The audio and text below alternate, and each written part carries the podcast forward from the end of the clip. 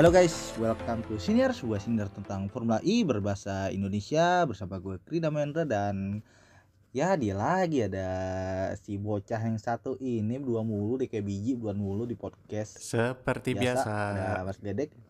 Apa Halo, Mas kabar Dedek. hostku? Eh, jadi gimana ya kemarin capek kagak no? Kalau dibilang capek atau enggak ya pasti capek lah. Eh, kan eventnya di luar seharian dari pagi Hmm. sampai sore. Ya kalau gue sih sampai malam lah ya.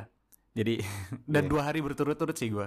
Ya karena karena gue datang dengan kartu ajaib gampangnya. Anjay, anjay dapat akses tuh. Ya nanti kita nanti kita jelasin di akhir-akhir mungkin ya. Kita simpen deh ceritanya itu buat di akhir itu. Oke, jadi itu bisa disimpan di akhir. So, kita langsung aja mulai masuk dari kalau itu kan perspektif kita yang jalan-jalan di belakang kan bisa nanti belakangan. Kita langsung masuk ke perspektif langsung sebagai penikmat Formula E dulu ya. Hmm, Oke, langsung aja selamat datang di siniar di episode bahas Jakarta E-Prix yang akhirnya setelah penantian bertahun-tahun akhirnya kejadian juga. Jakarta E-Prix dengan berbagai problematikanya dan juga berbagai drama yang terjadi. Baik di proyekan maupun drama yang terjadi di politik akhirnya Jakarta E-Prix pun berhasil diselenggarakan dan terbilang cukup sukses. So yang pertama mau dibawa pertama nih ada impresi sama tracknya kalau di kamera. Kalau menurut lo gimana nih impresi dari lo tentang tentang impresi lo tentang tracknya nih track di Ancol kalau menurut lo kayak gimana Yang pasti waktu free practice pertama itu debunya banyak banget asli. ACC bener banget setuju Eh tapi kalau dilihat-lihat lagi ya, kalau kita nontonin Yep. kayak free practice eh, pertama awal-awal itu, itu gue dalam Hmm. hati berpikir ini beneran sirkuit Formula E nih, ini di Ancol nih beneran nih. gue juga mikirnya gitu soalnya yang kita lihat pas di tempat mungkin kan juga pas kemarin kan kita yang pas kita sempet sedikit masuk kan ya cuman nggak kelihatan spot di mana bisa kelihatan debu pas pagi pas free practice buset tuh debu udah berasa habis lewat jalan proyekan Eh tapi tracknya lumayan lebar juga ya, terutama di tikungan 7, tikungan 8 itu Iya. kalau di kamera tuh kelihatannya lebar banget. Iya, walaupun sebenarnya pas kita ngelihat ke sono juga biasanya tapi di kamera terlihat gede, Hmm. terlihat lebar loh. Terutama di turn 7 kalau nggak salah yang belokan kiri yang spot overtake Michivan sama Yannick Van tuh kelihatannya di kamera lebar Hmm, banget. Setuju. Ternyata nggak sesempit itu ya sirkuit Ancol. Ya mungkin begitu masuk eh, 9, 10, 11 itu eh, sempit, kelihatan sempit karena lainnya juga sempit. Hmm, Tapi iya. sisanya ya oke-oke Iya. aja sih lebar-lebar juga. Hmm. Ya tipikal street circuit sih sebenarnya kalau misalkan kita ngeliat antara sempit lebarnya karena ya keseringan yang ada di kamera untuk track-track di luar negeri kan lebih orientednya ke yang beneran street circuit lahannya sempit kayak gitu dan di Ancol kan bisa dibilang udah masuk ke permanen sirkuit walaupun kelihatannya agak semi permanen tapi justru di situ kayak perbedaannya kelihatan banget dan yang di depan kamera pun juga terasa lebar. Mungkin juga itu kayak pengaruh antara trek yang di Ancol sama di luar beda. Kalau di luar kan lebih ke jalanan-jalanan umum gitu. Jadi karena orientednya lebih ke ke street track jadi lebih sempit gitu. Kalau menurut lo iya apa enggak? Hmm, iya sih, bener. soalnya soalnya juga kelihatan terutama kayak misalkan di turn pertama kalau di Ancol tuh lebarnya tuh udah lebar banget. Tapi kalau di mungkin di trek-trek lain gitu misalkan kayak mungkin sebut aja kayak di Roma tuh agak sempit kelihatannya. Mungkin kalau misalkan kita jalan ke luar negeri ke trek Ipri-Ipri yang lainnya mungkin bakal lebih sempit sih kayaknya. Dan mungkin kalau dilihat sekilas eh, di turn one Ancol itu lebarnya mungkin mirip kayak Marrakesh mungkin. bisa. Karena karena banyak uh, pembalap yang bilang kalau sirkuit ini sirkuit di Ancol ini campuran antara uh, Marrakesh terus ada Valencia terus ada New York terus ada Diriah. Pokoknya itu uh, kesannya campur-campur gitu. Iya. Uh, sensasinya begitu. Dan Hmm. gue cukup setuju terutama untuk uh, ya rasa Diriah itu Hmm. Uh, di terutama di tikungan uh, 9, 10, 11, 12 itu rasanya benar-benar Diriah banget gitu Iya. Terutama yang di depan di depan tribun 2G itu kelihatan kayak sensasi diri banget karena tuh kayak tikungannya agak fast flowing medium tapi sempit dibandingin sama sektor-sektor lainnya. Itu yang kerasa diriahnya di situ. Hmm, itu juga sih, itu juga. Tapi kalau misalnya di uh, turn 16 yang ada attack mode-nya itu. Itu Iya. gua ngerasa kayak mirip-mirip Valencia sih. 16 17 itu mirip Valencia sih. Mm-mm. Gue juga ngerasa gitu di Valencia di turn terakhir kalau kita nggak ngitung si Ken gak jelasnya. Kalau gue malah ngerasa Val- Valencianya itu yang di tikungan berapa itu yang ada attack mode-nya itu? Tikungan 7 8 mungkin di Valencia itu uh, ngeliuknya mirip banget sih, mirip banget. Ya 78 Kalau 78. menurut gue ya. 7 ke 8 sekitar segitu. Yang belokan Ya kiri ya. pokoknya yang ada attack mode-nya itu. Ya, yang belokan kiri ya. Ah, betul. Iya, 78. Dan lurusannya yang di start and finishnya itu straightnya gue ngerasa kayak di Marrakesh. Mungkin itu yang mirip. Kalau menurut lo bener gak? Kalau menurut gua lurusan yang start finish lebih mirip ini sih lebih mirip Meksiko sih. Atau, Hmm. atau lebih mirip Diriah juga eh, secara ini ya, secara eh, panjangnya ya. Iya. New, eh, New York juga mirip-mirip sih eh, kelihatannya panjang eh, lurusannya. Hmm. Oh iya kalau New York karena yang kalau di New York kan pas-pasan sebelah sebelahan sama start, start and finish sama kalau di New York kan straight satu lagi sebelah sebelahan kalau di Ancol juga ada sektor yang treknya sebelah sebelahan dipi- dipisahin sama satu tembok doang mungkin itu yang bikin mirip Hmm, benar sih benar. Sebelah-sebelahan eh, antara eh, start finish sama yang dari eh, 4 sampai tikungan 7 itu. Ya mirip sih, sebelah-sebelahan. iya Tapi yang Hmm. pasti impresi gua sama sirkuitnya baik di kamera atau di ngelihat aslinya udah cukup bagus kok. Kayak Iya. ini beneran sirkuit Formula E ini. iya betul dan juga dipuji sama beberapa, pembalap yang menyebut kalau track di Ancol kemarin itu proper track bagi Formula E kalau menurut lo, lo setuju gak? Eh, setuju sih, cuma kalau gua Hmm? ngelihat race kemarin, kayaknya masih kurang gitu overtake-nya.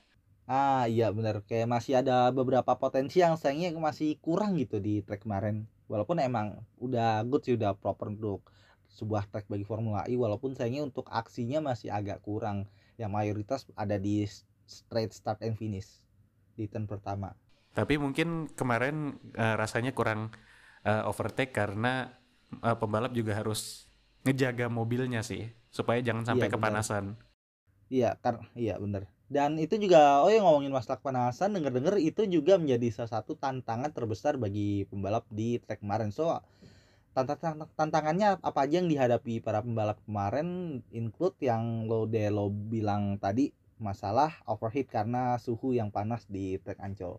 Ya, yang pasti kembali lagi ya suhu itu yang paling utama. Eh, beberapa pembalap Iya. yang gua tanyain waktu di eh, media pen, dia mereka juga mengutarakan hal yang sama. Suhu, suhu, Yap. suhu itu yang Hmm. jadi concern utama mereka. Karena kalau misalnya mobil Formula E baterainya panas, itu nggak efisien. Eh, bisa Ah, dibilang iya. boros. Kayak itu loh, kayak baterai HP kalau panas itu kan jadi kerasa lebih boros, ya gak? Iya iya. Ya mobil Formula E juga sama kayak gitu. Makanya suhu kemarin bener-bener jadi perhatian. Nggak boleh sampai Hmm. kepanasan. Dan juga kalau misalnya kepanasan, biasanya mobil Formula E itu bisa mati sendiri, bisa Ah iya. supaya nggak eh, nggak rusak baterainya. Hmm. Terus juga selain baterai, suhu ini juga mempengaruhi ban. Kemarin gue sempat ngomong sama Alexander Sims, dia waktu eh, habis kualifikasi dia curhat kualifikasinya jelek karena eh, sensitif, suhunya tuh sensitif ke ban gitu. Hmm. Jadi menjaga suhu baterai dan ban itu tantangan. Terus juga iklim yang apa sih istilahnya lembab. Lembab juga Iya. nggak terbiasa kan uh, sama pembalap Formula E gitu. Dan Yap. dan banyak juga yang bilang kalau kita nggak pernah simulasi latihan balap di tempat yang sepanas dan selembab ini. Mm, mm, mm, mm. Karena emang lokasinya juga di Ancol daerah pantai gitu terus juga pas sesi kualifikasi tuh jam-jam 11 tuh jam-jam panasnya men. Hmm, panas banget. Gue sampai Ah. nggak mau keluar Gua sih. pun yang- Nggak mau keluar ke Ah, pinggir iya. trek. Saking panasnya. gue ngerti sih soalnya gue pun yang pas kemarin gue nonton di grandstand pun juga anjir panas cowok panas men asli sangat disayangkan ya ternyata cuacanya panas padahal uh, di awal minggu tuh prediksinya bakal hujan di hari Sabtu cuma mendekati hari Sabtu ternyata peluang hujannya turun. Jadi ya ya akhirnya kita dapat hari Sabtu yang panas banget. Bener-bener panas. Iya. Heeh. Oh ya ngomongin masalah panas padahal di kalau gue kan lokasi rumah di daerah perbatasan Jakarta Timur sama Jakarta Pusat dan di situ kan lokasinya pas lagi mulai balapan sebelum mulai katanya kan udah gerimis dan di Ancol tuh kering nggak kayak di daerah-daerah yang agak ke selatan tuh udah mulai gerimis sudah ada yang hujan bahkan katanya hmm. mungkin awannya lagi mager jalan ke sono kayaknya entah apa ada ada pakai pawang apa gimana gue ngerti kayaknya Mbak Rara kemarin hadir Walaupun katanya nggak pakai. deh Hmm. oh iya soalnya ada itu ada pas pampres lewat kemarin Iya. iya join kan kan sebelum race pas pas penyerahan pi- piala juga ada bapak presiden yang hadir ke sana Mm-mm, betul mungkin karena itu kali ya Hmm, apakah eh, Jakarta IPRI kemarin kering karena ada presiden? hmm si paling dapat info duluan Hamin satu iya dong, kan saya datang hari Jumat pertamanya. Pas gua datang tuh hari Jumat, pas gua baru Hmm? ngelewatin pintu yang ini, pintu apa tuh yang Royal Suite tuh, kan gua gua masuk lewat Ya. situ. Bisi, eh, oh iya yang yang buat media Iya, ya yang dekat eh, tempatnya media. Terus pas Hmm. gua eh, jalan mau ke mau nyebrang ke ini ke pedok, gue denger nih belakang gua ada kayak motor polisi dua gede gitu. Terus nanya Hmm. sama mau ninjau ini. "Eh, ini mau ninjau tempat Pak Presiden turun gitu. Terus dalam hati gua, oh datang nih kayaknya besok nih. Pak Presiden datang besok. Eh ternyata besok beneran datang. Mm-mm. Eh tapi seneng sih kita ngelihat Pak Presiden datang. Karena kayaknya di luar negeri ya, Formula E di luar negeri tuh kayaknya Ya. bisa dibilang jarang banget yang presidennya datang. Ya mungkin Monaco ininya apa eh, istilahnya tuh pangerannya. Kalau Monaco, kalau nggak salah Hmm. sempat datang kan kemarin waktu Monaco. Ya petingginya lah ya, eh, pejabat yang punya nama gitu. Kayaknya jarang kalau di luar negeri dan di sini di Indonesia kemarin Pak Jokowi datang. Dan ini merupakan sesuatu yang sangat positif juga ya. Iya, karena anggapannya juga buat menetralkan isu-isu politik yang ada dari kubu yang pro sama pemerintah kan dianggap ya digoreng as you know kayak gimana ya dan dengan kedatangannya jadi seperti terdiam akhirnya yang biasanya suara-suara yang muncul yang katain proyeknya ini itu dengan kehadiran Pak Jokowi akhirnya boom. Sepertinya komen-komen negatif yang dari kubu sono langsung hilang rasanya. Walaupun masih ada tapi rasanya berkurang banyak. Ya sama-sama bikin adem lah. Ya bagus lah Iya. Pak Presiden datang. Sayangnya sponsor BUMN tidak datang kemarin. Sayang juga kemarin juga acaranya gara-gara ada anak pramuka yang rusuh di podium. Aduh, Eh ini ya apa tuh? Aku kira Mami Catherine. gua gak gua nggak ngomong ya, gua nggak ngomong ya. Gua gua gua sengaja nggak ngomong ya, takut masuk jurang gua. Waduh, Bahaya nih kalau lu masuk jurang podcast kita bubar nih. tiba-tiba langsung udah itu udah ada karangan bunga depan rumah. Astagfirullah. Oke lanjut. Hmm, daripada ada karangan rumah dan kemarin juga trek menjadi tantangan bagi beberapa driver mayoritas dan beberapa driver pun ada yang mengakui ag- agak sedikit mendapatkan advantage terutama driver-driver Brazil seperti Lucas Di Grassi yang dia bilang kalau ah ini ternyata cuacanya gak beda jauh ya sama negara gue. Dan walaupun gitu juga tetap ketika lo bawa di mobil pun dengan kokpit yang panas banget tuh jadi tantangan berat ketika lo ngebalap. Karena tantangan gak cuma ke, lo pas di track tapi tantangan gimana caranya situasi lo lo menghadapi lagi panas-panasan di dalam kokpit gue aja yang lagi di grandstand tuh panas banget ya lo mah lo mah di media center enak ada demen gue panas-panasan gue Eh tetap aja ya panas-panas ya kalau gua keluar. Kalau gua keluar media center ya kalau tetap panas keluar juga tapi ya, lo tadi maaf. bilangnya mager keluar no Eh, iya, karena panas itu makanya gue mager keluar. Hmm. Begitu. Ya sudah, berarti intinya masih lebih adem di media center dan kokpitnya panas gak kayak di media center bisa adem-ademan karena gak ada AC-nya. Oke, kita pindah ke bahasa selanjutnya dengan adanya sambutan yang setinggi-tingginya bagi Nick the Freeze. Walaupun sayangnya dia gak bisa deliver pas race day performanya karena dia terpaksa tidak dapat melanjutkan balapan hingga finish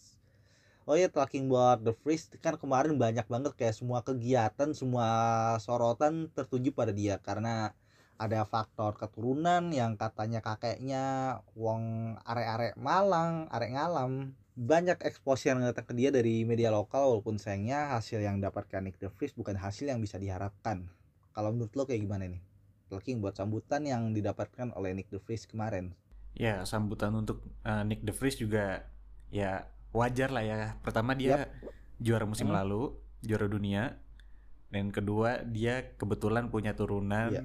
dari kakeknya, kakeknya dari nyokap maksudnya. Dan waktu di Hmm. media center juga lumayan banyak wartawan yang ngerubungin dan pertanyaannya kebanyakan template sih. oke gue ngerti pasti makanan Ah, kalau nggak makanan, terus mungkin diajak ngomong bahasa Indonesia kali ya. Cuma, cuma kan kita nggak sampai ke sana. Ya kita tahu Nick De Vries adalah turunan orang Indonesia. Cuma ya, hmm. oke cukup tahu gitu loh. Maksudnya nggak Hmm. usah digembar-gemborkan. Kayaknya memberi pressure sendiri nggak sih Iya, ke Nick De kayak Vries? dia merasa walaupun dia bukan orang sana tapi dengan kayak gitu kan dia merasa jadi rumah keduanya dan dia merasa jadi seolah-olah diperlakukan seperti lokal hero jadi dengan gitu dia kayak ada beban di punggungnya gimana caranya dia bisa membagikan orang-orang yang udah ngasih support besar ke dia karena dia juga sadar kalau Formula E bukan sport bukan motorsport juga yang paling besar di Indonesia. Jadi dia tahu dengan kesempatan ini ini bisa jadi kesempatan dia buat ngebesarin Formula E juga di Indonesia.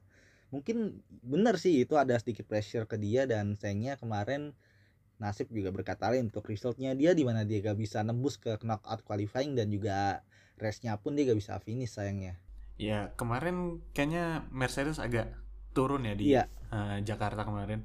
Gua kira, gua kira waktu ngelihat hasil free practice 1-2 eh gue kira Mercedes bakal lebih fokus di race pace. Tapi ternyata kayaknya sama aja sih race pace-nya nggak nggak bikin langsung kenceng-kenceng juga. Dia biasa Terus juga Nick De Vries juga kemarin sempet Ah, apes iya. juga dua kali ditabrak sama Hmm, Lucas Di Grassi terus sama Hmm. Andre Lotterer juga gitu yang bikin mobilnya rusak bannya pecah dan Hmm. akhirnya gagal finish sayang banget sih kalau finish padahal dia supportnya gede banget sampai bahkan dari akun sebelah dari akun gue Lambi Racing sempet nge-tweet kalau Nick De Vries kayaknya kena jinx satu Indonesia ada eh tapi kit- kemarin oh kita iya ngejinx juga. Nggak ada- ngejinxnya langsung result pula langsung yang menang di jinx jadi tang akhir 20 eh akhir 20 akhir bulan Mei Hmm. kemarin ya tanggal 20 ada yang nanya prediksi dong Hmm. pemenang Jakarta siapa gue bilang kan yang pasti bukan Mitch Evans ya Eh lihat satu Mitch kemarin Evans. yang menang siapa? ya, habis ini gue temenan nih sama F1 udah Speed jadi kayaknya. duta ngejinx udah jadi Udah duta jadi emang. akrab. Hmm. Iya, beda cabang aja. berarti bener kalau ada istilah omongan adalah doa ya beneran dengan artian dengan artian kebalikan. Iya. Berarti kalau gitu jadi ini ya, omongan adalah out ya. Eh, bisa bisa bisa. Bisa sih. Ya bisa Kan sih cuman ya kayak gitu gak sepenuhnya gitu juga. Tapi masih bisa masih bisa masih bisa. Oke kita bahas talking about yang retire kan tidak kan kita udah bahas tadi yang retire kemarin ada ada freeze lalu kita bahas selanjutnya yang jadi korban di Ancol kemarin ada Giovinazzi yang nggak cuma retire tapi formanya ancur-ancuran kalau menurut lo Giovinazzi gimana Hopeless sih gue ngelihatnya. Kualifikasi hancur, race Hmm. race lebih hancur sih sebenarnya. Bahkan di menit-menit awal pun gue ngelihat sisa baterainya itu 4 sampai 5% di bawah Ah iya benar. orang-orang bukan di bawah bukan di bawah Iya, leader benar. tapi di bawah orang-orang 4 sampai 5% di bawah itu itu bisa dua lap lebih ini Hmm, bisa lebih sekitar dua sedikit setengah lap. gue nggak ngerti kemarin Dragon mikirin apa buat Giovinazzi tapi itu strategi terlalu agresif kayak terlalu Hmm. pede banget gitu ya oke lah pede cuman jangan segitunya gitu loh lagi pula eh, pakai baterai lebih banyak kemarin juga nggak ini kok nggak maju Iya. ke depan juga kok Hmm. nggak jauh gitu majunya jadi ya emang mobilnya bapuk strateginya dimainin pembalapnya juga udah finish Sebenarnya nggak bingung sih. juga mau bilang finish pun juga ini musim pertama dan dia gak ada waktu adaptasi ada dadakan. Jadi kayak kita gak bisa expect banyak-banyak sama orang yang pindahnya dadakan banget dan gak ada waktu buat adaptasi langsung dihajar sama seat Formula E dengan mobil yang bisa dibilang paling madesu saat ini. mungkin dibikin finish sama timnya kali Ya ya. bisa jadi gitu tapi kita pun juga bisa bilang kalau Formula E emang ajang yang berat dan butuh adaptasi. So untuk Giovinazzi dibilang finish kagak tapi kalau dibilang cacat di Formula E gue setuju. Walaupun gue fansnya dia. Hmm, setuju. Anyway ngomongin Dragon Yap. kemarin waktu di Media Pen hari Jumat, Hmm. gue sempat ngomong sama uh, Sergio Sete Ah iya. dan dia uh, dia secara apa ya istilahnya intrinsik ngomong kalau Dragon bakal partneran sama salah satu uh, pabrikan Hmm. dan dari berita kemarin juga udah jelas kelihatannya pabrikannya yang dimaksud adalah DS, DS Automobiles yang sekarang sama Techita, musim depan kemungkinan bakal sama Dragon. Dan eh CT Camara bilang kalau musim ini Dragon gak bakal banyak improve mobilnya karena eh, ingin fokus ke transisi kerja dengan eh, manufacturer baru itu. Ah, isi isi. Jadi Ya makanya kalau misalnya performanya Dragon bapuk musim ini ya harap maklum. ya udah gitu ya karena mobil mobilnya juga nggak banyak yang dikembangin gitu Hmm. bahkan saya kemarin bilang it's a bit of survival game Iya. udah udah kayak ya udahlah yang penting yang penting gue finish aja deh gitu Mungkin- mungkin udah nggak peduli kali ya Iya. sama poin kan musim lalu juga poinnya udah lumayan banyak kan kemarin Dragon sampai 40-an mungkin? Iya, walaupun poin 40-an ya ya sih sekitar gitu walaupun poinnya juga ketolong beberapa hasil balap random sama format kualifikasi yang nolong tim-tim bawahan banget musim kemarin. oh iya betul. Gak ada yang expect seorang Nico Muller bisa dapat podium di balapan April dan dengan randomnya dia bisa dapat podium di tengah-tengah balapan yang super chaos di Valencia musim kemarin. Itu juga jadi salah satu alasan kenapa Dragon Hmm. bisa dapat poin sebanyak itu di musim kemarin. Dan di musim ini langsung kelihatan kalau mereka balik ke setelan pabrik jadi tim Madesu. Apalagi ditambah dengan Roger Penske yang emang kurang niat banget buat ngurusin tim Formula E-nya. Habis itu mereka lagi fokus transisi ke pabrik ke ganti mesin untuk musim depan menyambut yang baru menjadi tim dari DS so ya udah gak bisa ngarep baik-baik lagi. Perbanyak doa lah kalau misalkan mau ngeliat tim dari Dragon Penske bisa dapat poin Iya. D- Dan bahkan kemarin lawan terdekatnya si Dragon si Neo 333 Hmm? kemarin lumayan bagus loh di Jakarta. ah iya benar lumayan oke walaupun masih setelan pabrik tapi mereka masih nunjukin forma yang lumayan oke kalau dibandingin sama mereka Hmm. Malah battle-nya udah mungkin udah deket ke Mahindra mungkin ya. iya Battle-nya Neo ini Hmm. udah agak jauh dari Dragon. ah iya bener Dragon ini malah makin turun Iya. Ngomongin Mahindra kemarin Mahindra ada satu yang retire yaitu Oliver Rowland. Hmm, hmm. Dia retire di lap-lap awal gara-gara bannya copot. Ah iya bener pas lap lap awal kelihatan itu tiba-tiba bannya copot di sektor-sektor awal. Padahal kemarin waktu di Berlin, kalau nggak salah ya, Hmm. kalau nggak salah tuh waktu di Berlin di dua race Berlin itu Hmm? itu merupakan kali pertama Mahindra dua-duanya finish. Gua nggak tahu benar atau nggak di Berlin atau enggak, tapi tapi kayaknya baru sekali dua-duanya finish mobil Mahindra. Ka- Karena sepanjang musim ini dari Diriyah sampai eh, Roma, Monaco juga mungkin Hmm. salah satu mobil Mahindra tuh pasti nggak finish. Di Jakarta juga kemarin sama, Rowland nggak finish. Ah, Ini gue ah. bener bener-bener gak ngerti ada apa dengan Mahindra. Masa tiap race satu mobil retire sih gitu loh.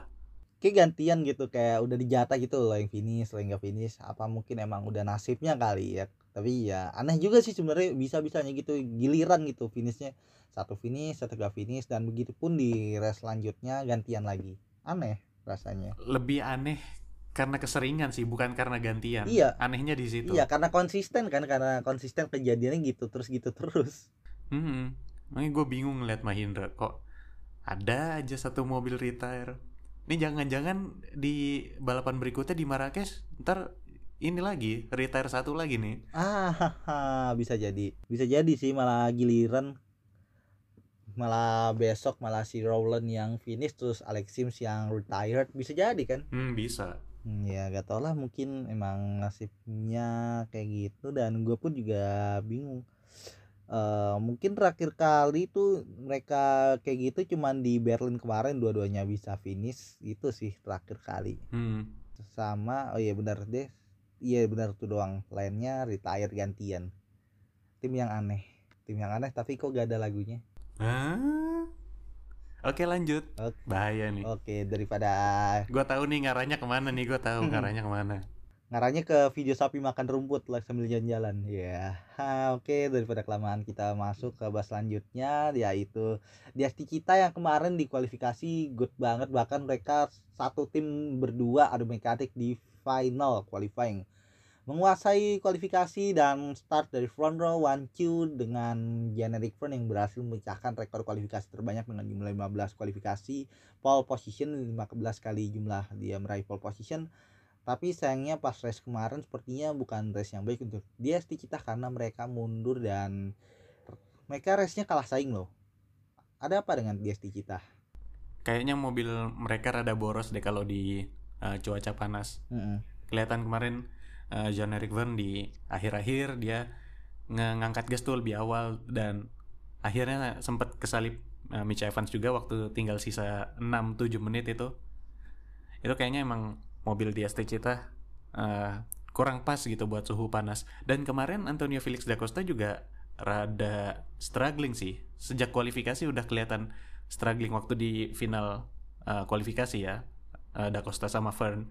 Itu da Costa udah kelihatan uh, kayaknya struggling nih. Terutama ini ya.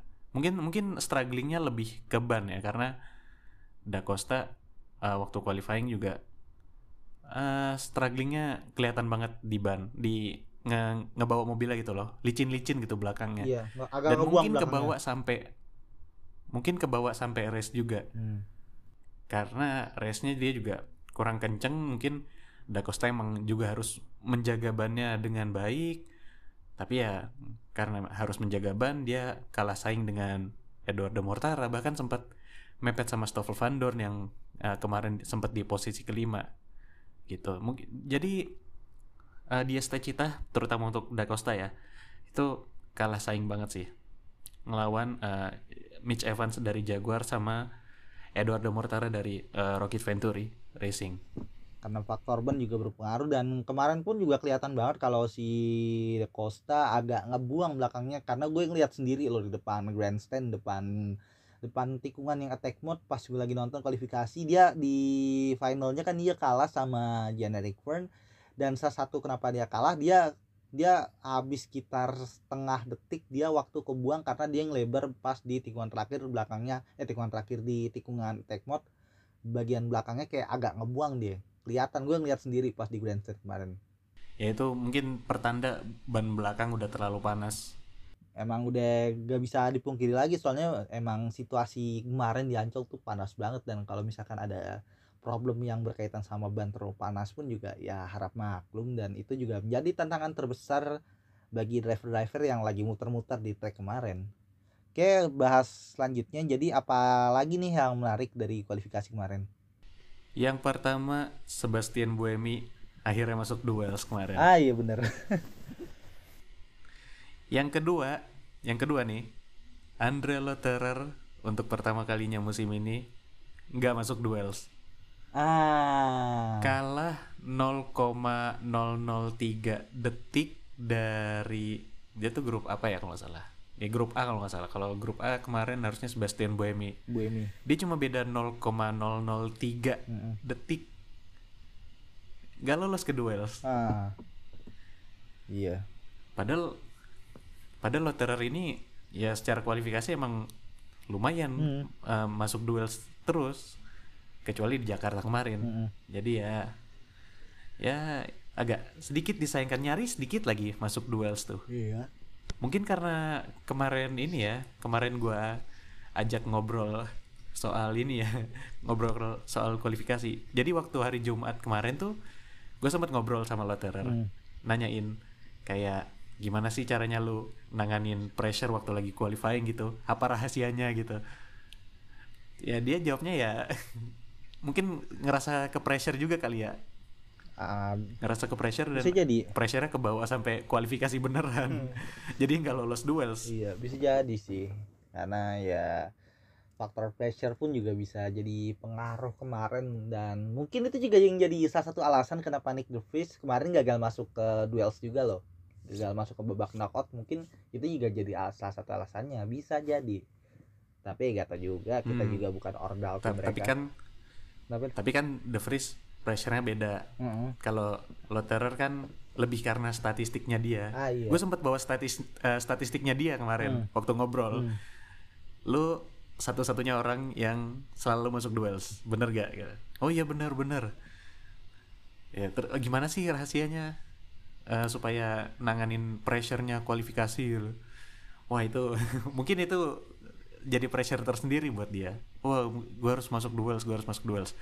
Tapi ya dia tidak lolos ke duels dengan terhormat sih karena bedanya cuma 0,003 3 per 1000 detik gitu kalau misalnya bedanya cuma 3 per 10 ya kurang terhormat sih karena agak jauh Iya. dan 0,3 detik di Formula E itu udah cukup jauh.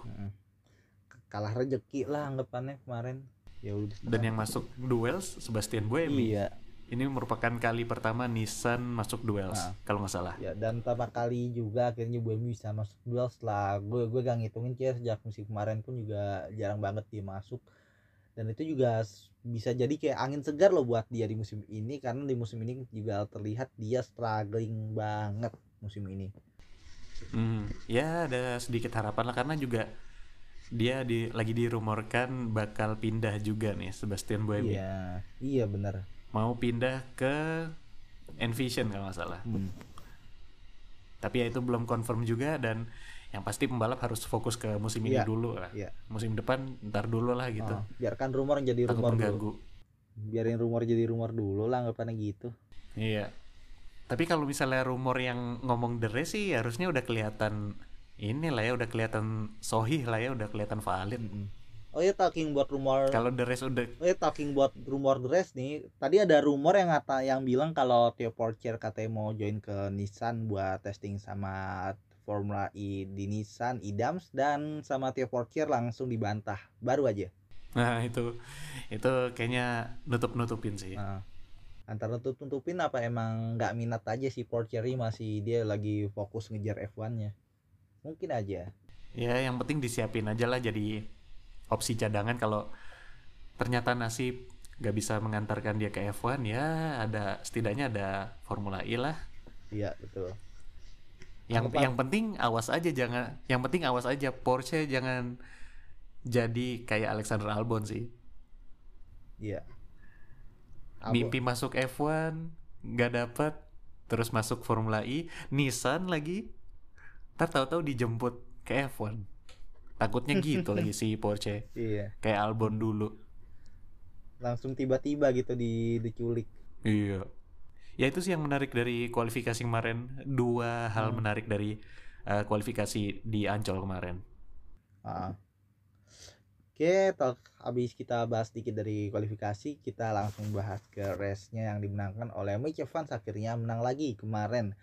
Dan kemenangan Mitch Evans ini juga mengantarkan dia berada di posisi keempat klasemen dengan poin 104 poin dan talking buat kemenangan kemarin juga mungkin salah satunya adalah faktor di mana dia bisa mainkan strategi dan juga masih nyimpen baterai lebih banyak dibandingkan oleh Jan Eric Friend. So, kalau menurut lo gimana nih gimana nih menurut lo tentang kemenangannya Mitch Evans kemarin yang akhirnya menang lagi di hajatan pertamanya Jakarta E-Prix di Ancol.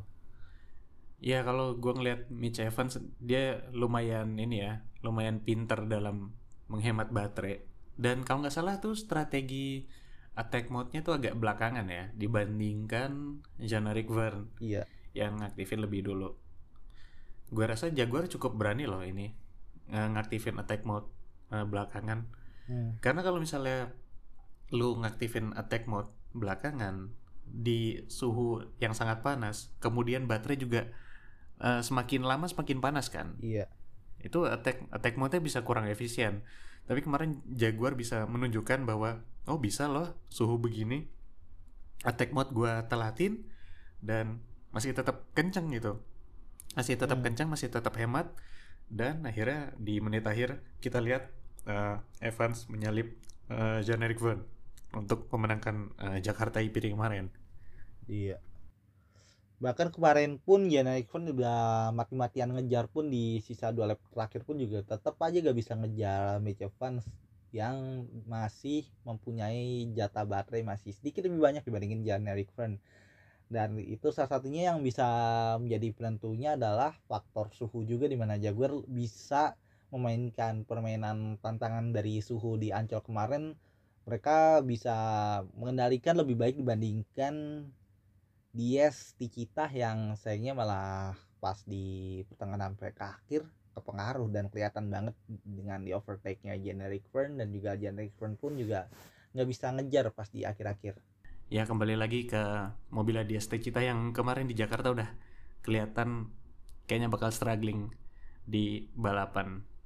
Jadi ngomongin masalah masalah kemarin gak cuma Mitch Evans yang bisa dapatkan spotlight karena penangannya tapi juga Edu Mortara yang bisa meraih podium. So talking about Mortara di Alres ketika semua driver sudah mengambil attack mode pertama dan mungkin ada yang mengambil attack mode kedua dia masih belum mengambil dan di situ juga dia belum ngambil aja dia udah bisa menantang posisi dua ketiga.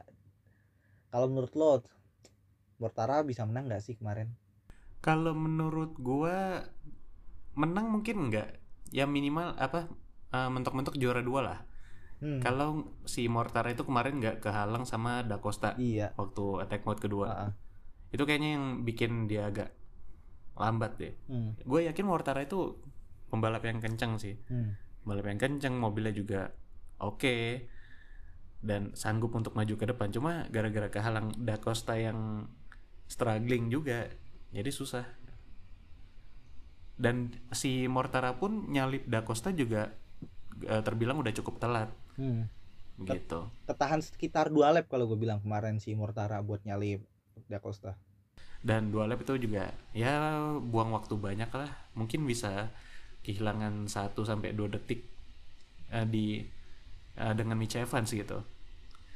Padahal kalau misalnya dia nggak ini apa bisa nyalip Da Costa lebih cepat, mungkin battle 1 2 3 kemarin lebih lebih panas lagi gitu. Iya lebih panas dan juga mungkin Mortara pun bisa menang juga karena si Generic pun udah kelihatan struggling banget dan itu juga mungkin bisa dibilang salah satu alasan kenapa Generic pun bisa finish di posisi 2 karena itu juga agak ketolong sama Anthony Felix da Costa yang sempat ngedefend posisinya di battle sama Mortara. Iya, dan yang pasti ada team play di sana Iya. dari Diaz Cita. Ah. Mengingat Desti Cita bisa dibilang sebagai salah satu tim yang selalu bermain team play-nya dia selalu main team play banget kalau posisi lagi kepepet kayak gitu. Hmm. Kalau eh, dia Cita sama Porsche sih yang lumayan kompak lah tim playnya gitu. Tapi masih lebih rapi tim play-nya Desti Cita karena udah kelihatan banget dia kalau misalkan main tuh kayak ketata banget kapan lo harus ini, kapan lo harus diban play as a team, kapan harus attack, kapan enggak dan kapan lo harus gantian dapat attack mode kayak gitu. Lebih rapih dia mainan tim play-nya. Hmm. Iya lebih lebih rapi sih. Dan dari Anyway oh ya, ngomongin kenapa? kemenangan Mitch Evans Hmm? itu jadi kemenangan ketiganya dia musim ini Iya. setelah dua di Roma dan yang ketiga di Jakarta. Dan kemarin kayaknya sambutannya lumayan oke lah ya untuk seorang Mitch Evans. Sambutannya lumayan meriah juga mengingat Mitch Evans ini juga yang bikin meriah kan karena ada orang Jaguar Indonesia juga yang sampai buat nge-support dia yang ramein pedeknya Jaguar kemarin kalau gak salah soalnya kelihatan kayak pas iya pas kemarin jalan gue kalau gak salah lihat ada kayak orang pakai kayak kaos apa pakai polo gitu Jaguar Indonesia dan kemarin pun di postingannya timnya Jaguar pun dia juga menyertakan sama Jaguar Indonesia. Hmm, bener ya bener. Kemarin gue juga sempet lihat tuh. Bahkan Jaguar sempat bikin kayak ala-ala wayang kulit. iya bikin Itu itu oke sih. Hmm, kelihatan kayak di antara tim-tim lain yang paling lokal banget kelihatan Jaguar kemarin buat postingan di sosial media sebelum race. Tapi kalau video interaksi dengan fans ya, Yap. Envision lebih lebih wow Ah, sih. benar. Setuju kalau itu. Hmm. Kayaknya gue sempet ngeliat eh, krunya Envision lagi syuting ngajakin orang-orang ya ayo rekaman video rekaman video gitu mungkin. Hmm. Kayaknya gue sempet lihat tuh kemarin. hmm. Tapi ya congrats buat Mitch Evans kemenangan ketiga musim ini juara dunia nggak nih? Em, gak tahu, gak tahu. Karena mau juara dunia pun mungkin chance paling gede di Marrakesh. Habis itu chance-nya agak kecil soalnya tipikal Jaguar ini dia kalau straightnya panjang dia bagus. Dan kemarin juga kelihatan straight di tikungan sebelum tikungan pertama kan straight start finish kan bisa dibilang main panjang untuk Formula E dan dia unggul di situ.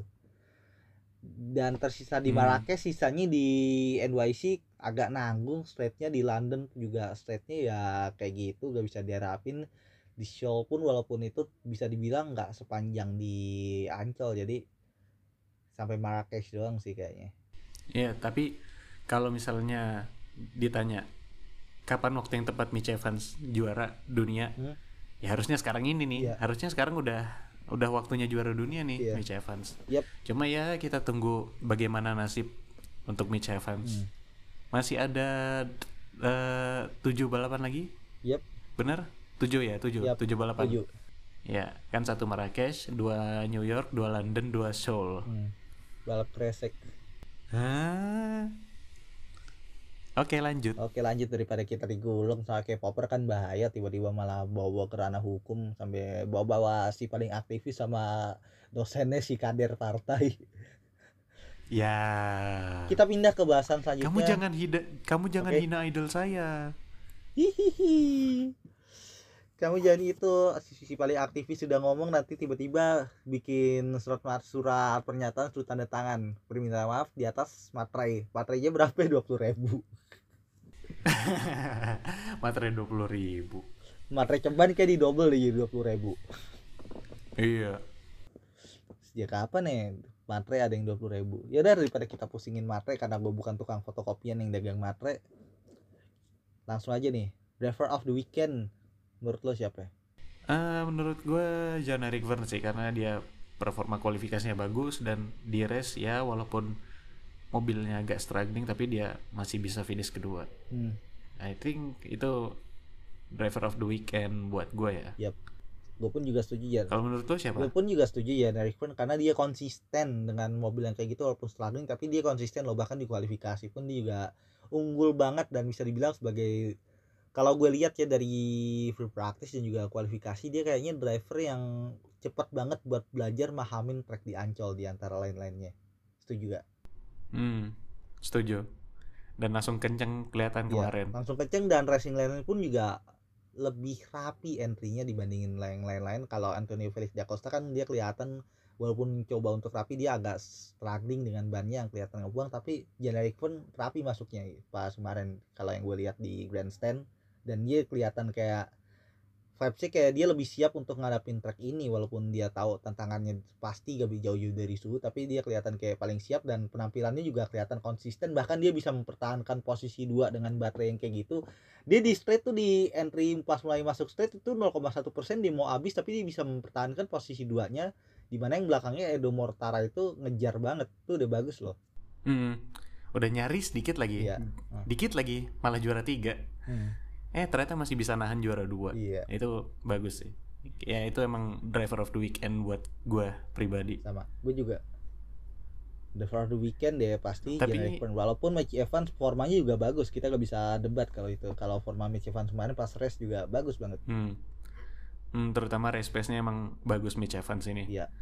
Mungkin battle juara dunia akhir musim bakal kejadian antara Mitch Evans sama John Eric Verne mungkin. Gue bilang bakal battle-nya ada tiga sih Stoffel, Generic Burn sama Mitch Evans Hmm, tapi kemarin Stoffel Van Dorn kurang ke expose banget ya. iya karena juga paling ke expose-nya waktu sama Da Costa doang Iya, karena pas pas dia itu juga posisinya agak kurang terus juga pas di awal race dia ke expose sekali pas dia mistake itu sih pas ngambil mode malah gak dapet. oh iya benar dia ke ngelewat ke- kelewatan attack Iya, mode bablas. kayak nggak pas gitu. Agak bablas gitu dia. Iya. Gue gue ngeliat gue ngeliat jelas tapi kan gue di grandstand pas grandstand gue kan pas dekat tikungan itu dekat tikungan attack mode. Jadi gue lihat banget dia bablas itu. Dia sampai ngaku sendiri kalau dia kalau dia ngaku sendiri ah gue bego banget tapi bisa bablas kayak gitu. ya tapi tapi emang racing line di attack mode-nya juga eh, licin ya Iya. kemarin si Sebastian Buemi juga sempat spin juga bukan spin apa ya kepleset juga lah Hmm. gitu. agak miss. Ya begitulah dan hasil kemarin pun juga udah kelihatan banget kalau di Jakarta April ya gitu. Dengan balapan yang lumayan seru bahkan bisa dibilang lo udah lihat itu belum perolehan highlightnya di YouTube-nya akun Formula E itu YouTube-nya untuk highlight itu yang paling tertinggi untuk highlight balapan. Jakarta April tertinggi. Iya ceknya lagi terakhir gue ngecek sekitar 900an lebih or something dan mungkin besok udah sejuta viewersnya. 900 ribu itu wow. Hanya untuk sebuah highlight jadi itu Iya. bukan full race kan? Iya highlight. Highlights loh itu highlight dan untuk race sekelas race di Formula E itu udah gede banget. Masa ini gak ada seminggu loh? Iya. Baru dua iya hari itu baru baru tiga empat hari. Iya. udah 900 ribu. Ah, Yeah, that's amazing. Ah. ini menunjukkan antusiasme Formula E di Indonesia ternyata oke juga nih kalau emang benar-benar suka balapan ya bakal rame-rame juga gitu loh iya walaupun ya emang ada beberapa faktor seperti karena ajang lokalan dan juga karena faktor swing voters bla bla bla segala macam tapi kita nggak bisa buat nyembunyiin fakta kalau penikmat motorsport di Indonesia gede banget event sekelas Formula E ternyata juga sebesar itu dan animo pun juga sangat bagus sangat besar dan diterima oleh masyarakat luas dan yang pasti bikin kita tertarik oh ini balapan mobil listrik seru juga ya ternyata gitu Hmm. bisa begini gitu Hmm. seneng loh gue ngeliatnya kemarin bahkan kemarin waktu gue ngeliat sesi podiumnya itu benar-benar manusia rame banget Iya. di depan panggungnya tuh Iya. dan gue juga oke oh ini this is great this is a good reception for Formula E in Indonesia Hmm. gitu. Uh, iya betul walaupun sayangnya pas kemarin podium kan juga dengar-dengar yang di sirkuit festival kan ceritanya kan aduh parah parah itu terlalu tuh politikal tapi kita juga bisa nyumin fakta kalau kemeriahan di depan podium pun juga kerasa banget euforianya pun juga kerasa banget Hmm. satu yang miss satu yang Iya miss kan? satu yang miss pas perayaan podium kemarin same pain tuh miss banget bahkan lo lihat gak sih pas switch first dia kayak Iya betul. kayak ngerayain pakai champagne dia megang-megang piala aja gitu kayak dia miss something untuk Mm-mm. dirayain Kayak pura-pura jadi champagne gitu Iya. kan. Ya, ya itu juga mungkin ya karena dalam tanda kutip menghormati budaya lokal. Ya udah lah harus kita terima. iya Tapi abis abis terima piala tuh tangannya Mitch Evans tuh udah refleks loh. Eh, ini champagne-nya mana, champagne-nya mana. hmm. Kayaknya ada tuh potongan videonya gitu. Si Mitch Evans tangannya udah udah kayak mau memperagakan ngocok champagne gitu kan. Eh ternyata champagne-nya nggak ada. Champagne-nya malah piala. iya Tapi ya udah bagus lah. Yang pasti teriakannya ini ya, teriakannya meriah ya. Yap. Teriakannya bermacam-macam. Mm-mm. Ada yang bawa nama pejabat, ada yang bawa nama pembalap, ada juga teriakan we are proud of you. aduh disebut lagi teriakan bapak-bapak ormas Gue nggak nyebut, gua nggak nyebut orang ya, gue cuma nyebut, gue cuma nyebut teriakannya. Lo yang lo yang nyebut bapak-bapak ya, gue nggak ikutan. Jadi kalau misalnya ada masalah di podcast ini, tolong salahin hostnya aja. Saya nggak mau tanggung jawab. ya saya juga mundur saya angkat tangan karena saya gak mau urus urusan ormas deh males ntar ujung-ujungnya malah aduh mekanik ormas ribet lagi mentang-mentang lagi saya ada di wilayah tempat tinggal saya aduh Aduh, susah, ribet-ribet. Hmm. Oke, lanjut. cuman itu doang tote bag Shopee bisa free ongkir tote bag FE 15 ribu iya kan kemarin gua- pas gue tuh ya talking about kemarin di Formula E pas kemarin gue di fanshop dari semuanya yang paling worth barangnya kalau menurut gue kan cuman itu cuman payung sama tote bag dan tote bagnya itu 15.000 tuh guna banget. Kayak dari semuanya yang ada di official store-nya yang paling worth banget tuh tote bagnya asli. Hmm, ya pasti bakal kepake dong. iya bakal pakai bisa bawa pulang bisa jadi oleh-oleh juga dan, Dan itu juga cuma lima belas ribu lagi. iya cuma 15.000 worth banget worth banget walaupun kelasannya mungkin kayak kayak anggapannya bag vendoran buat event-event kuliahan tapi itu udah worth banget karena tote bagnya itu gak kegedean tapi gak kecilan pas gitu kalau misalkan ada angkut-angkut barang gitu tuh pas banget lebih gede dibanding bag kuliahan tapi tuh deh pas banget Hmm. Oh ya sedikit promosi buat teman-teman yang mungkin kemarin belum sempet beli merchandise-nya Formula E Jakarta. Yap. Kalian bisa langsung ke official ipristore.id. Official e p r i x store.id. Itu kalian bisa beli merchandise dari Jakarta IPRI di sana. hmm. betul sekali dan untuk mungkin yang besar Gue tertarik sama ini Oke. loh, sama Kenapa? kaosnya. Kaos yang gambar sirkuit gue tertarik sih. hmm. gue gue kemarin eh, nggak sempet beli karena ya kita eh, lumayan sering di media center jadi nggak sempet jalan ke fan store dan begitu lihat fan store aduh ngantrinya males banget. Iya. ya gue udahlah. juga gue juga gak ke fan store yang di Alliance E Village yang di depan pantai juga karena itu karena rame banget. Hmm, gue tuh belinya di fan store yang di itu di J Expo kan sebelum naik tiket di depan tiket redemptionnya buat redeem tiket di depannya ada kayak store-nya gitu. Nah itu gue gue itu di situ gue belinya. 15 ribu lumayan. Gue paling lah. saran bagi kalian yang denger kalau misalkan kalian belum beli gue saranin beli tote bagnya. Karena di samping worth for any price tuh 15 ribu worth lumayan gede dan bisa dipakai juga. Lumayan hitungannya buat oleh-oleh anggapannya gue gue habis barangkali lo yang nggak nonton di tempat gue gue habis dari Jakarta Library kan bisa gitu buat dipamerin tote bagnya. Hmm, betul. Asli tuh worth banget bagus. Tote bagnya bagus kok gue akuin ya habis ini kita bahas apa? Oh ya udah kita bahas driver of the weekend. Lo mau sharing nggak cerita lo sebagai media kemarin? Kayak gimana no perjalanan lo di Jakarta IPD kemarin dari sebelum hajatan Hamin berapa sampai pas kelar balapan sebagai media tuh rasanya kayak gimana ya? Mau sharing? Oke jadi kemarin kita datang ke Jakarta IPRI eh, sebagai media dan proses awalnya tuh ya kita apply ke sistemnya mereka ke sistemnya Formula E ngasih beberapa dokumen dan kita tunggu tuh Mhm. sampai kayak tinggal seminggu sebelum balapan baru ini nih baru dikasih tahu nih di accept atau di reject nih Hmm. eh, untuk accreditation medianya gitu ya Hmm. alhamdulillah kemarin dari dari tiga orang yang apply dijatah dua sama mereka. Dan kebetulan yang orang yang ketiga ini kebetulan kemarin nggak bisa datang juga. Jadi ya udah pas kita berdua. Tuh kita berdua datang. Dan eh, kita ambil eh, akreditasi hari Jumat. Dan warna kartunya tuh beda. Ada eh, beda untuk media. Media tuh Iya. hijau hijau muda gitu.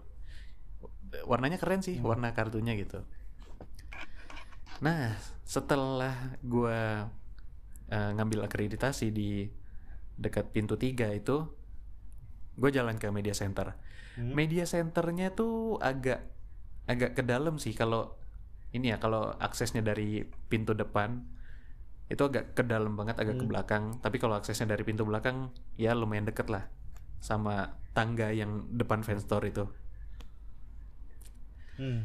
di dalam media center adem yang pasti mejanya juga oke Yep. terus colokan juga banyak Hmm. dikasih 6 per meja 6 apa apa 8 gitu kayaknya udah yang penting udah cukup memadai lah buat eh, buat nyolok laptop nyolok HP itu udah cukup banget kita kemarin nah waktu gue udah masuk ke media center terus partner gue juga udah datang kemarin 10 menit setelah itu Hmm.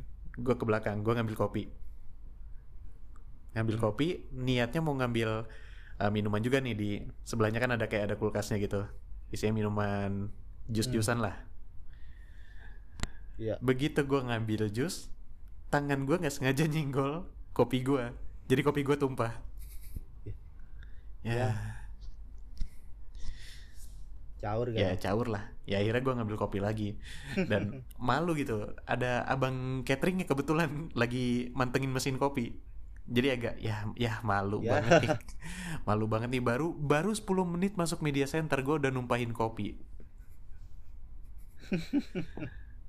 si pagi ya masih Iya, pagi ya masih pagi tuh masih jam 10-an tuh masih jam 10 masih ngantuk mungkin Hmm. terus juga di media center ada makanan dan makanannya oke sih Yap.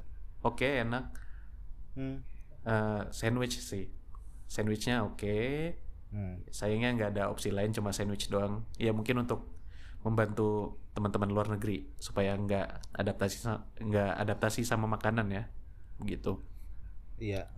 Soalnya kan di media juga pasti ada media luar juga yang kunjung soalnya jadi ya anggapannya konsumnya disesuaikan sama Hmm. orang luar juga. tapi ya gue Oh berharap ngo- oh ya ngomongin masa sandwich ya ngomongin masa sandwich itu sandwichnya sama nggak sih sama pas kemarin yang hari Jumat gue jalan-jalan? eh mirip sih sebenarnya mirip-mirip atau mungkin sama Hmm. persis gitu jenis sandwichnya Hmm. cuma Iya. mungkin isinya beda kali ya kemarin gue dapet Hmm. yang tuna tapi kalau di media center gue dapet yang isi daging isi keju gitu enak kok rotinya Hmm. cuma Hmm. ini ya sandwich Bet- secara keseluruhan ya rasanya ya cuma kalau dari rotinya sendiri kayaknya buat gue terlalu keras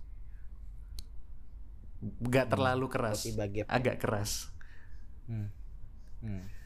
terus juga di media center ada ya air putih banyak botolan dan botolnya tuh Hmm.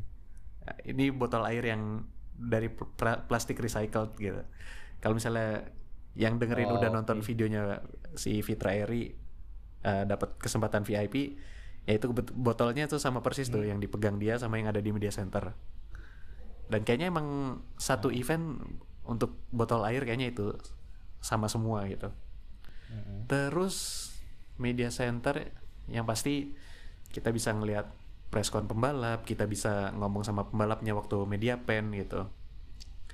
Dan yang yang pasti adem, nyaman dan ya enak lah pokoknya di media center. Bisa dibilang betah, iya betah. Cuma masa sih kita nggak nggak keluar gitu ya jadi kita sekali sekali keluar gitu kita rolling tuh berdua Eh, siapa yang ngurus di dalam siapa yang keluar ngelihat sedikit ya kita gantian lah waktu itu kemarin Hmm. problem gua sama media center ada dua. Satu makanannya cepet habis. Oke. ya oke lah kemarin mbak Ade bilang "Eh, ya kalau urusan makanan mah harus cepet-cepetan ya di media center tuh. Ya oke lah cuma Hmm. ya masa sih makanannya kurang banget gitu. Terus yang kedua toiletnya. Waktu hari Jumat itu baunya nauzubillah. Bau banget. Bau banget definisi bau banget kayak gimana sih kayaknya tuh dari urinoir itu ada yang bocor. Karena gue juga ngelihat lantainya hmm nggak bener nih. Ya oke lah hari Sabtu udah diberesin. Dan area urinoirnya juga ditutup gitu. Dikasih dikasih polis lain. Tapi ya Anjir tapi ya tetap aja bau. Ya setidaknya harus dibenahi itu. Oh iya sama satu lagi. Iya. itu kan di toilet media center kan kayak kaca gitu kan ya pembatasnya kaca yang dilapisin sama kayak apa sih istilahnya tuh? Kayak kertas-kertas gitu. Yang kertas yang mengkilap kayak plastik gitu kan? Ah. itu ada satu bagian di dindingnya itu. Yang kertasnya kertasnya bolong. Anjir glory hole. jadi gue bisa ngintip sebelah gitu. Literally ngintip sebelah. Yang ngintip doang sih nggak sampai masukin eh, apa-apa. Karena masih kehalang kaca kan. Cuma ya ya tolonglah jangan Iya. sampai gini juga malu kalau kelihatan sama orang glory hole. glory hole glory hole glory anjir. hole dong Ini talking about toiletnya tuh kan kata lo bau tuh baunya deh setara kayak toilet Pertamina PKG. kayaknya toilet Pertamina masih lebih mending sih daripada toilet media center waktu hari Jumat anjing. definisi lebih mending sih. Jauh lebih mending. Toiletnya Pertamina. Toilet pom bensin. Deh deh fix bocor Ya, sih ya, itu kalau ya udah bocor sih jauh. itu. Terus? Fix bocor soalnya jauh lebih mending Hmm. masalahnya. Terus juga musola hmm harus dibenahi banget lah ya. Udah sih eh, Hmm. apa statement gue itu aja. Harus dibenahi banget iya. Terus yang pasti kita di media center ya bukan asal-asalan ya kita bener-bener kerja kita ngusahain konten semaksimal mungkin dari Formula Gledek buat eh, follower semua. Kita bener-bener kerja dari pagi gue datang tuh pagi pulang malam. Hari Jumat tuh sampai jam 8 kayaknya gue baru keluar sirkuit. Hmm. Te- itu pun keluar sirkuit abis itu langsung ini lagi langsung langsung mampir ke restoran mak- uh, buat makan malam. Sekalian ngedit-ngedit sedikit gitu. Terus di hari Minggu Hmm. kita keluar jam berapa ya kemarin tuh? Jam 7 ya? Yang baru keluar sirkuit. Pas kemarin ya hari iya itu Sabtu kita cabut nih jam 7 kurang 5 kita tuh cabut keluar jam 7 Nah, ya, kurang 5 ya jadi kita dua hari berturut-turut kerja dari pagi sampai malam. Oleh karena itu bagi teman-teman yang suka coveragenya for, uh, Formula Gledek waktu Jakarta IP kemarin bisa banget nih supportnya di traktir.id garis miring Formula Gledek t r a k t e e r dot id. Ya mohon dukungannya ya, Ya. karena takutnya yang kita punya nih sekarang kurang memuaskan takutnya takutnya kurang ya ya jadi adalah adalah kejadian. Tapi tapi nggak Iya. tapi tapi gue nggak mau ngomong lebih lanjut. Takutnya disangka nggak bersyukur. Nggak enak lah. Ya disimpan disimpan buat yang tahu-tahu sih, aja lah ya. Nah intinya kejadiannya tipikal gak sih kayak gitu? Iya, tipikal negara kita mungkin. Iya, udah, udah budaya tapi ya udahlah. Mungkin ya kayak gitu dan pasti tahun depan bakal diimprove Iya, sih, ya oli pembangunan. dan kemarin pun pas kita cabut kita cabut jam 7 kurang tuh kejadiannya pas banget di belakang kita lagi ada yang rame-rame katanya ada kebakaran dan alhamdulillah akhirnya udah ditangani juga gak ada yang kenapa-napa walaupun sempat luka-luka tapi alhamdulillah juga agak parah banget dan masih selamat dan kemarin pas kita cabut tuh gue baru sadar pas kita cabut keluar ada ambulan masuk kan kita sempat rame-rame di jalan agak ngalangin dan suruh minggir kayak berarti tuh ambulannya itu berarti secara gak langsung kita agak ngalangin ambulan Hmm, parah banget lu parah. parah lu ngalangin kerja lu. ya lo juga kan kita bareng-bareng pas itu rombongan kita Eh, cabut tapi kayaknya gua gak, gak ngerasa ngalangin ambulan dah. Ambulannya tuh lewat mana ya? ya Ah gua lupa, gua lupa. Kan Gua ambulannya- lupa karena gua mungkin udah terlalu capek Sabtu malam kemarin. ngalangin ambulan lagi tapi alhamdulillah gak napa-napa dan kejadian pun juga ada kelar boom gak ada problem yang gede-gede banget ya mungkin ada sedikit insiden kecil seperti yang udah di nanti diobrolin di podcast Lambi Racing juga di podcast sebelah sama anak-anakan gue soalnya anak-anakan gue katanya denger ada orang EV yang ngamuk-ngamuk karena masalah mati lampu Wow, Ya. bagaimana itu kok bisa? Ya gue gak tahu gimana ceritanya sampai katanya tuh pengaruhnya sama ke mobil-mobil yang lagi dicas mau dipakai itu sih. Kan makanya sampai orang EV-nya agak protes kok bisa kayak gini? Dan itu ngaruh juga ke beberapa food stand yang kompornya kan mereka pakai kompor listrik Hmm. akhirnya gara-gara itu akhirnya nggak bisa itu nggak bisa lagi masak. Gue kemarin lagi mesen mas nasi goreng terus cancel karena Ya, itu. Agak disayangkan. Oke, sebelum kita tutup untuk episode Jakarta IPRI ini, gue mau nanya satu hal sama lo. oke apa nih Penyelenggaraan Jakarta IPRI kemarin sukses atau enggak? Wah tentu saja sukses untuk penyelenggaranya sukses dan walaupun banyak sekali kekurangan seperti contohnya pas gua di parkiran tuh jauh banget gua ujung ke ujung dan diarahinnya malah ke barat kalau bisa di timur itu pasti bisa diimprove dari sisi pertama dari parkiran terutama yang bawa motor tuh kayak disiksa banget kurang ajar loh woi panitia woi kasihan deh yang bawa motor jauh banget yang kakinya terus juga terus juga di sana yang jembatan tuh sempit banget kayak bottleneck cuman satu akses doang habis itu orang dibatasin akhirnya ngantrinya yang dia muter-muter no kayak ular di kayak bola-bola di Zuma yang muter-muter tahu gak sih lo Hmm. nah kayak gitu muternya tuh dia parah banget sampai muter ngebulet gitu kayak ular di snake kayak Zuma Hmm. anggapannya itu muter terus juga yang hyd- hydration di tuannya aliens e hydration tuh galonnya gantinya agak lama terus juga penempatannya cuma satu spot doang karena berhubung tempatnya panas mungkin untuk tahun depan bisa sarankan di tengah-tengah antara dua tribun mungkin taruhnya di situ sih karena udah pasti tuh orang butuh banget yang namanya air Hmm.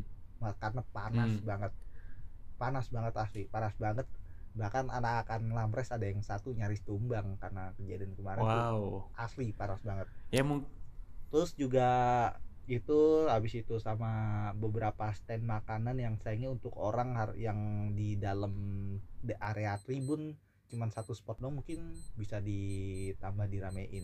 Mungkin tuh doang sih gak jauh. Nggak jauh-jauh dari situ. Pokoknya intinya udah good berhasil banget. Walaupun sayangnya ada orang-orang yang politikus wannabe bilangnya ah kalau rame doang itu mana bukan sukses ya. Kayak karir politiknya dia aja rame exposure itu bukan sukses namanya. Iya.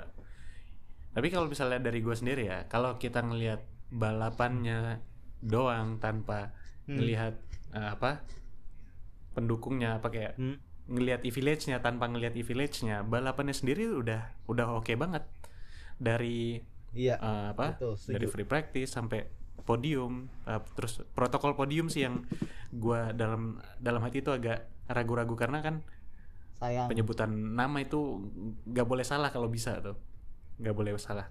Iya. Bisa dijalankan dengan sangat baik dan kalau ngelihat balapannya aja sih sukses sih. Paling yang nggak sukses partainya orang itu. Iya bener. Gue setuju soalnya kejadian yang bikin kayak tercoreng semuanya sukses semuanya bagus gak ada masalah kecuali pas lagi prosesi podium problemnya itu. Hmm, oh iya.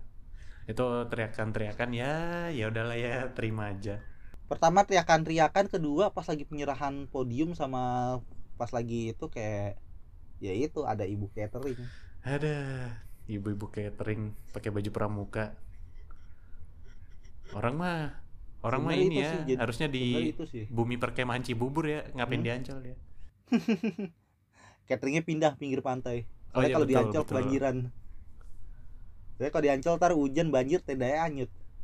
Iya oke langsung aja kita tutup deh kayaknya Oke, bungkus Takutnya lah bahaya. daripada dalam bungkusnya daripada kenapa-napa kita ngebahas ada ibu catering kemarin dan ngebahas masalah isu-isu yang kemarin termasuk ada bapak-bapak ormas yang pakai seragam gitu rame-rame teriak-teriak dengan yel-yel kesukaan mereka aduh oke lanjut lanjut Niki. lanjut lanjut lanjut mending kita bubarin aja lah daripada kelamaan dan thank you banget untuk semuanya yang udah meramaikan. Pertama kali gue bilang thank you banget untuk kalian yang udah meramaikan. Jakarta Ibrik kemarin baik dari kalian yang ngeramein di sosial media maupun juga yang datang langsung. Karena itu juga bisa membuat euforia hidup loh. Bikin euforia Ibrik Jakarta hidup. Formula E bisa terlihat hidup dan terlihat ramai karena kalian semua yang hadir dan juga ikut memeriahkan. Dan thank you banget untuk kalian semua yang udah menamaikan akun Formula E dan denger denger akun Gledek pun juga kena loh kena kayak kena dampak positifnya karena naiknya lumayan gede juga ya. Yes alhamdulillah. betul betul. Naiknya lumayan sih. Dan untuk nah, pertama kalinya di IG kita bisa 5000 followers di eh di kan Twitter juga sama sih 5000 juga.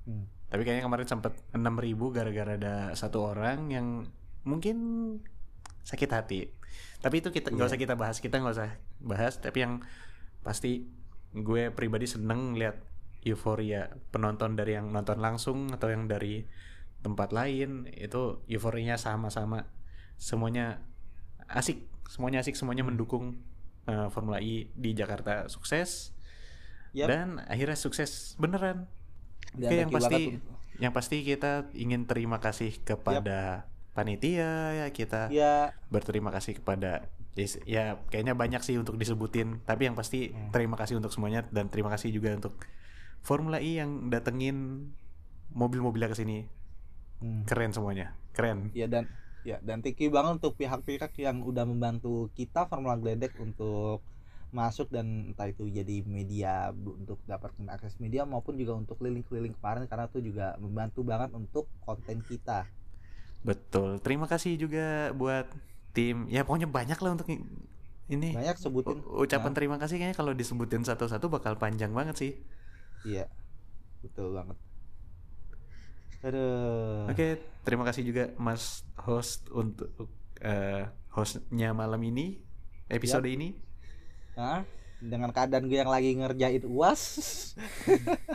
Tetap semangat nonton ya. Ipik tengah-tengah Tetap uas. semangat. yoi walaupun uasnya agak-agak ngehe dan lagi banget untuk Mas Bedek yang udah menyempatkan waktunya untuk ngisi podcast ini tengah kesibukannya dia lagi gawe ya kelihatan mulai sibuk banget sekarang dan juga Betul. memperbolehkan gue untuk ngeramein podcastnya dia hari ini.